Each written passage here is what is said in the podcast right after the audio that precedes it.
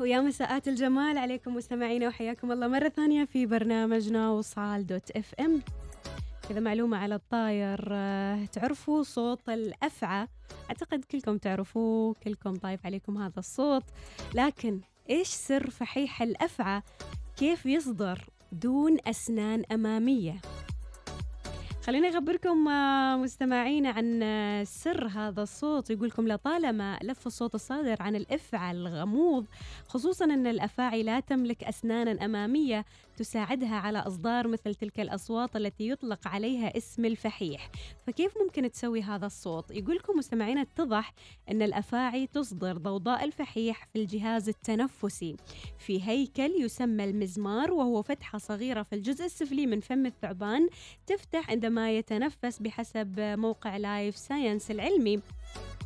ويقولكم يرتبط هذا المزمار بالقصبة الهوائية واللي تتصل برئة الثعبان فالأفاعي لها رئة واحدة تعمل فقط. طيب كيف تعمل هذه الرئة؟ مستمعين يقولكم آه، طبعا أوضح ديفيد بينينج الأستاذ المساعد في علم الأحياء بجامعة Missouri Southern State أن هناك الرئة الوعائية التي تمتص الأكسجين وأشياء من هذا القبيل. كما أضاف أن النصف الخلفي من الرئة هو ما يسمى بالرئة الكيسية وهو يشبه في الأساس مدفأة قديمة مجرد بالون فارغ لا لشيء سوى الاحتفاظ بالهواء.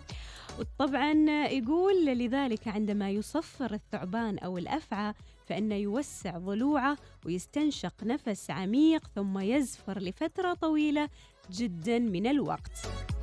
كذلك أشار إلى أن هذه الضوضاء التي تسمى فحيحا تأتي نتيجة مرور الهواء السريع الحركة عبر المزمار.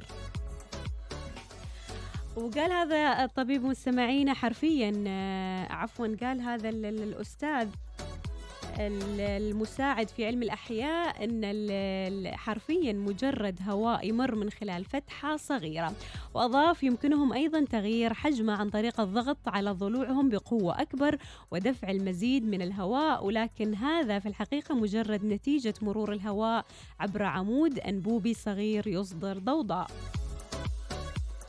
ولفت هذا الأستاذ المساعد مستمعينا أن ألسنة الأفاعي لا علاقة لها بهذا الصوت فهما شيئان غير مرتبطين. يلا كانك تعرف صوت الأفعى. زين تسجله لنا صوتية على سبعة واحد سبعة واحد واحد واحد صفر صفر. وإذا ما صوتية عادي بينك وبين نفسك. جرب حاول. أيوة كذا بعد مرة. على فكرة ترى ما حد سمعك. بينك وبين نفسك. الله يسعدكم مستمعينا فاصل ومواصلين.